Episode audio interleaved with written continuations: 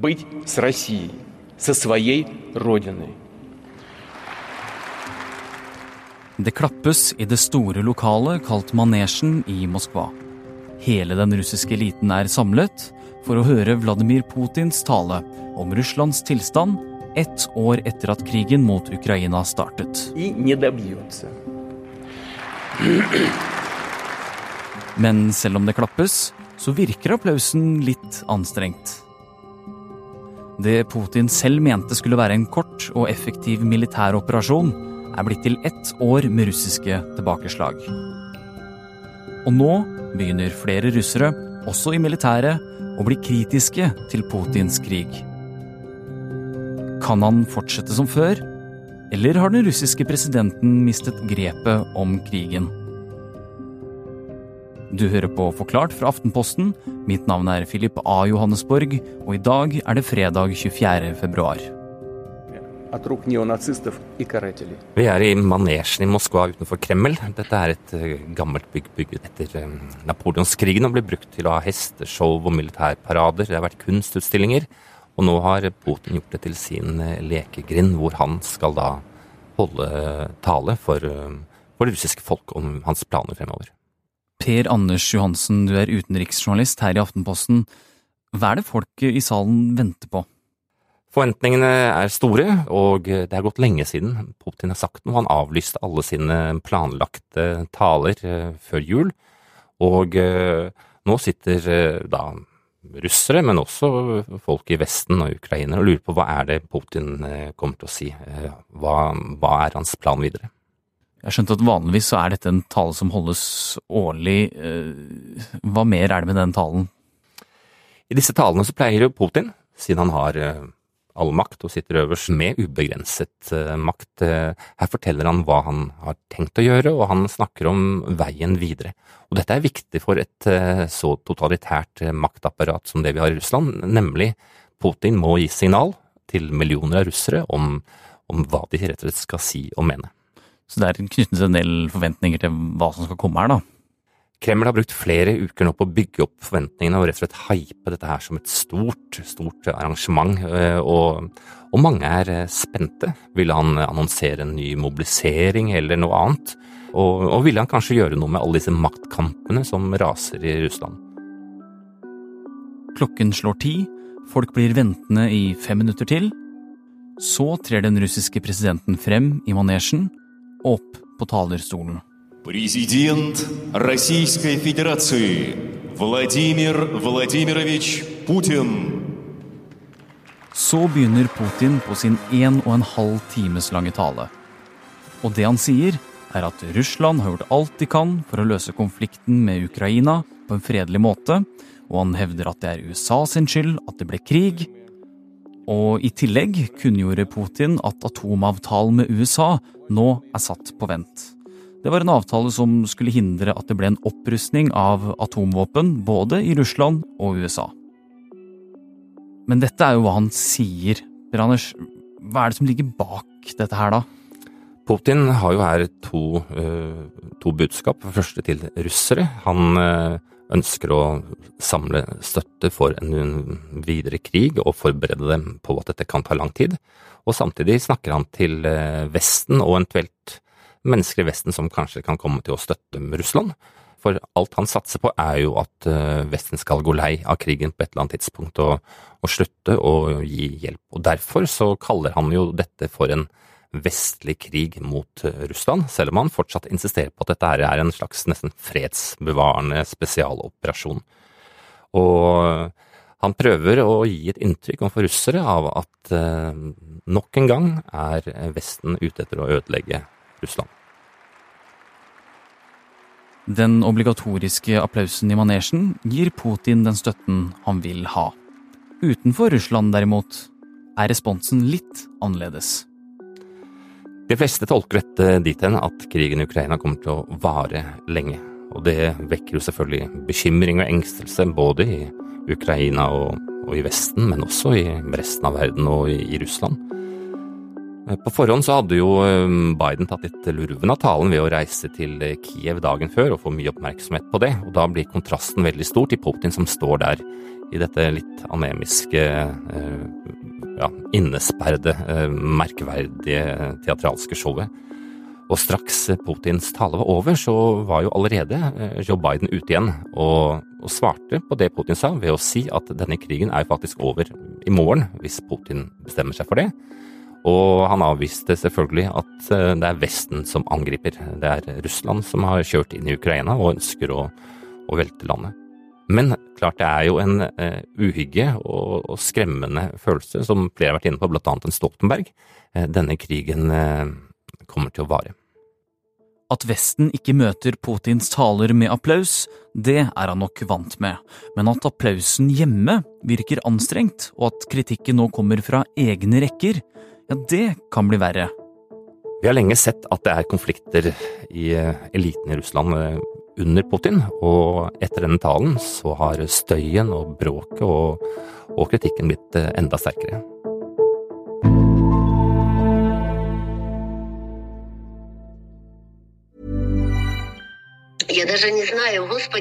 I flere år har jeg fulgt Maria og hennes russiske familie. Vladimir Putin. Hva mener russiske familier om det som skjer i landet deres nå? Hvorfor er det så mange russere som stemmer på Putin? Og hvorfor er det så mange som støtter krigen i Ukraina? Hør Putin og Maria, en podkast av Aftenposten. Den finner du hos Podmy og i Aftenposten-appen.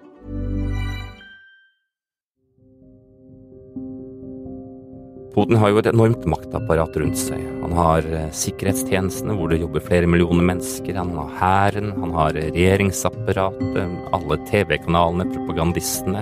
Han styrer eh, skolene, industrien. Og I tillegg så har han eh, i medielandskapet alle de såkalte militærbloggerne, altså ulike krigskorrespondenter, ulike aktører som tilhører de ultranasjonalistiske. og i dette miljøet så var det mange som reagerte veldig kraftig på Putins tale. Nære russiske allierte begynner nemlig nå å bli stadig mer kritiske til Putins krig. Blant disse så er det to navn som det er verdt å merke seg. Igor Strelkov er en av dem. Igor Strelkov var eh, på mange måter eh, en av mennene som startet eh, krigen i Ukraina i 2014. Han var den første forsvarsministeren i Donetsk. Han var en tidligere russisk militæretterretningsoffiser. Og det er han som var ansvarlig når de russiske opprørerne skjøt ned passasjerflyet MH17. Og han er rett og slett dømt for terror. Han er en av de interessante militærbloggerne som fortsatt går løs i den russiske skal vi si, informasjonssfæren. Han har nesten ja, 900 000 følgere. Og han har hele tiden vært en, en kritisk stemme som representerer da, de som mener at Putin går altfor kort, at han burde startet krigen tidligere, og at uh, dette her går bare veldig dårlig. Og han sa, skrev bare bla, bla, bla. Det er ingen grunn til å fortsette å høre på dette her om budskapet til eh, Putin. Så han gir da uttrykk for en veldig sterk misnøye blant de som faktisk var de aller mest ihuga krigsdelene. Hva betyr det for eh, Putin at eh, en av eh, altså den allierte hæren da plutselig er så kritisk? Det betyr egentlig ikke så veldig mye, fordi at Strelkov er ikke en viktig person. Han har ingen makt, men han representerer en del av det ideologiske grunnlaget for Putins krig. Nemlig de som eh, lenge før Putin selv sa at det er ikke Ukraina, det tilhører Russland. Og eh, han er også, denne kretsen av ultranasjonalister er også viktig for å sørge for bl.a. Eh, verve soldater. Og, og han snakker da til en minoritet som altså stoler fullt på at denne krigen her er nærmest Guds Guds vilje, og at de har en historisk rett til å, til å utslette Ukraina fra kartet. Og det tar oss over til den neste betydelige kritikeren. Du har kanskje hørt om Wagner-gruppen? Denne private hæren som henter inn kriminelle fra russiske fengsler? Samme dag som Putin holdt sin tale, så la Wagner-sjefen Jevgenij Pregosjin ut en video på den russiske meldingstjenesten Telegram. Vi ser at Prigozjin sitter i et rom som er fullt av menn i rullestoler. Dette er Wagner-soldater. Faktisk de heldige. De har bare mistet et bein eller to eller en arm, men de har iallfall kommet tilbake fra krigen. Dette er et eh, PR-stunt fra, fra Prigozins side, eh, som han har mange av hele tiden. Og målet er å gi inntrykk av at han, i motsetning til Putins generaler, faktisk bryr seg om eh, sine soldater. Det er selvfølgelig bare tull, for at eh, vi vet at eh, hans eh, Wagner her har vært påført tusenvis av tap i ganske mange og til sider nesten meningsløse angrep. Han sier blant annet til alle de som sitter der, og de fleste av dem er jo faktisk straffedømte drapsmenn. Han sier vi trenger kriminelt talent, og jeg sonet selv ti år i fengsel før jeg ble russlandshelt. Sjargongen hans viser jo at han er vant til å gå blant kriminelle. Han snakker et veldig folkelig språk, og han spøker med at ja, vi er en paramilitær organisert kriminell gruppe, og vi er stridsvogner, fly og helikoptre. Hva er det Prigozjin vil med denne videoen her, da? egentlig? Prigozjins budskap de siste dagene eh, og ukene har vært at eh, han mener at eh, forsvarsledelsen, forsvarsminister Sergej Shogu, den som leder Putins krig, at de prøver å ødelegge Wagner-hæren, som altså har spilt en stadig viktigere rolle i krigen, særlig nå i høst. Og årsaken er blant annet, ifølge Prigozjin, at de ikke får ammunisjon, de får ikke granater, de, de får ikke engang spader og graver skyttergraver, hevder Pregosin, og han mener at uh, forsvarsministeren til Putin er en forræder. Men disse her, Per Anders, de snakker jo til eh, hva skal man si, en liten gruppe på sosiale medier. Hva med resten av russerne i Russland, hva får de med seg? Nei, hva russere flest får med seg, kan vi jo lure på. For eksempel alle russiske skolebarn som kom til klassen på mandag, de ble bedt om å sette seg ned og se på en video av en munk som forteller eh, hva Putin egentlig mener. Почему именно 23 февраля отмечается этот праздник? Все очень просто. Защитниками Отечества является весь наш Dette er jo ikke noen virkelige barn, men dette er spørsmål som da de russiske propagandistene tror at eh, barn må stille, og, og de får da et svar. Så her får barn vite hva Putin snakker om i talen sin? I denne militærpatriotiske eh, utdanningen, som de kaller det, som er trappet kraftig opp denne uken her, i anledning Putins eh, tale, så, så, blir jo krigsbudskapet pakket inn. De får høre at Russland har eh, verdens beste soldater, så det er ikke noen grunn til å være redd. De har en av de største hærene. Og at alle gode russere, også de når de blir store, skal være villige til å ofre livet for fedrelandet, for da beskytter de mamma og pappa og deres eh, venner. Og mens propagandamaskineriet hamrer inn sin versjon av historien, og to av Putins støttespillere nå er sterkt kritiske til presidenten, så er det jo en ganske stor gjeng som Putin må forholde seg til, nemlig de russiske oligarkene, altså eliten rundt presidenten. Hva vet vi om dem nå? Det vi iallfall vet, er at det er en, en ganske stor forvirring i elitene eh, og blant russiske soldater, generaler, om hva som egentlig er målet. Eh, når skal eventuelt denne krigen eh, være vunnet, sett med Putins øyne? Veldig grovt så kan vi si at vi har én gruppe i deler av militære sikkerhetstjenestene blant nasjonalistene som ønsker at krigen bare skal trappes opp. De vil at Putin skal erklære og si at dette er full krig, og at han skal samle hele Russland i en slags krigsmodus, hvor man innfører unntakstilstand, hvor alle ressurser, alle mennesker skal inn mot et eneste mål, nemlig vinne denne krigen mot Ukraina og hele Vesten. På andre siden har du jo teknokratene, de som jobber med næringsliv, deler av oljeindustrien, de som eh, for så vidt også ønsker at Russland skal vinne, men eh, de ønsker ikke at krigen skal trappes opp, fordi de merker jo selv på kroppen, og de ser at dette påfører Russland store kostnader. Og så har du da de aller, aller fleste da, som egentlig bare sitter stille og håper at dette her på en eller annen måte skal eh, gå over, eh, og, og ligger lavt så lenge som mulig. Gjør Putin noe for å blidgjøre kritikerne, da? For Putin så tror jeg disse kritikerne har en ganske god effekt.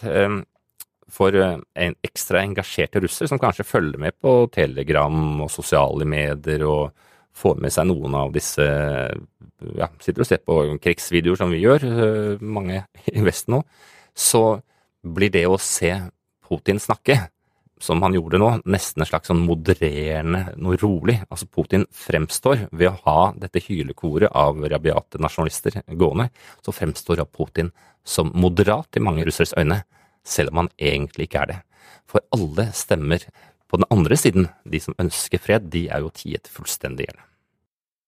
Men Per Anders, er det noen av de som nå støtter Putin, som kan snu seg mot ham og gjøre en forskjell i krigen, og som da Vladimir Putin ikke kan klare seg uten? Man kan heller snu på det og si at er det noen av disse maktpolitikerne, menneskene som satt dette rommet i manesjen, som ville klare seg hvis Putin forsvant. Og det er jo ikke mange. Så dette er litt av, skal vi si, det, det, det fascinerende utspekulerte i Putins maktapparat ved at han har gjort så mange mennesker personlig avhengig av, av han. Eh, og vi er jo bare der at denne krigen, slik den ser ut nå, blir avgjort de neste månedene. Både Russland og Ukraina og Vesten tror at det er mulig å endre frontlinje, at det er mulig å oppnå noe militært. Og dermed vil krigen fortsette å vare. Inntil eh, begge partene skjønner at nå kommer vi ikke lenger. Nå må vi begynne å forhandle.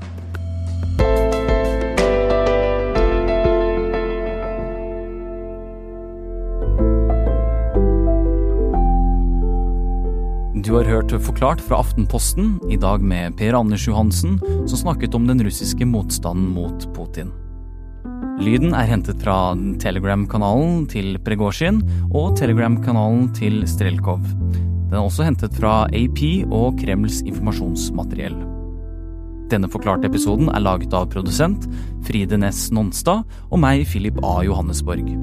Resten av Forklart er Jenny Førland, David Vekoni, Trond Odin Johansen, Synne Søhol og vår egen Anders Weberg. Og vil du høre flere av Aftenpostens podkaster, så sjekk ut podkastdokumentaren Putin og Maria i Podme-appen eller på ap.no. God helg!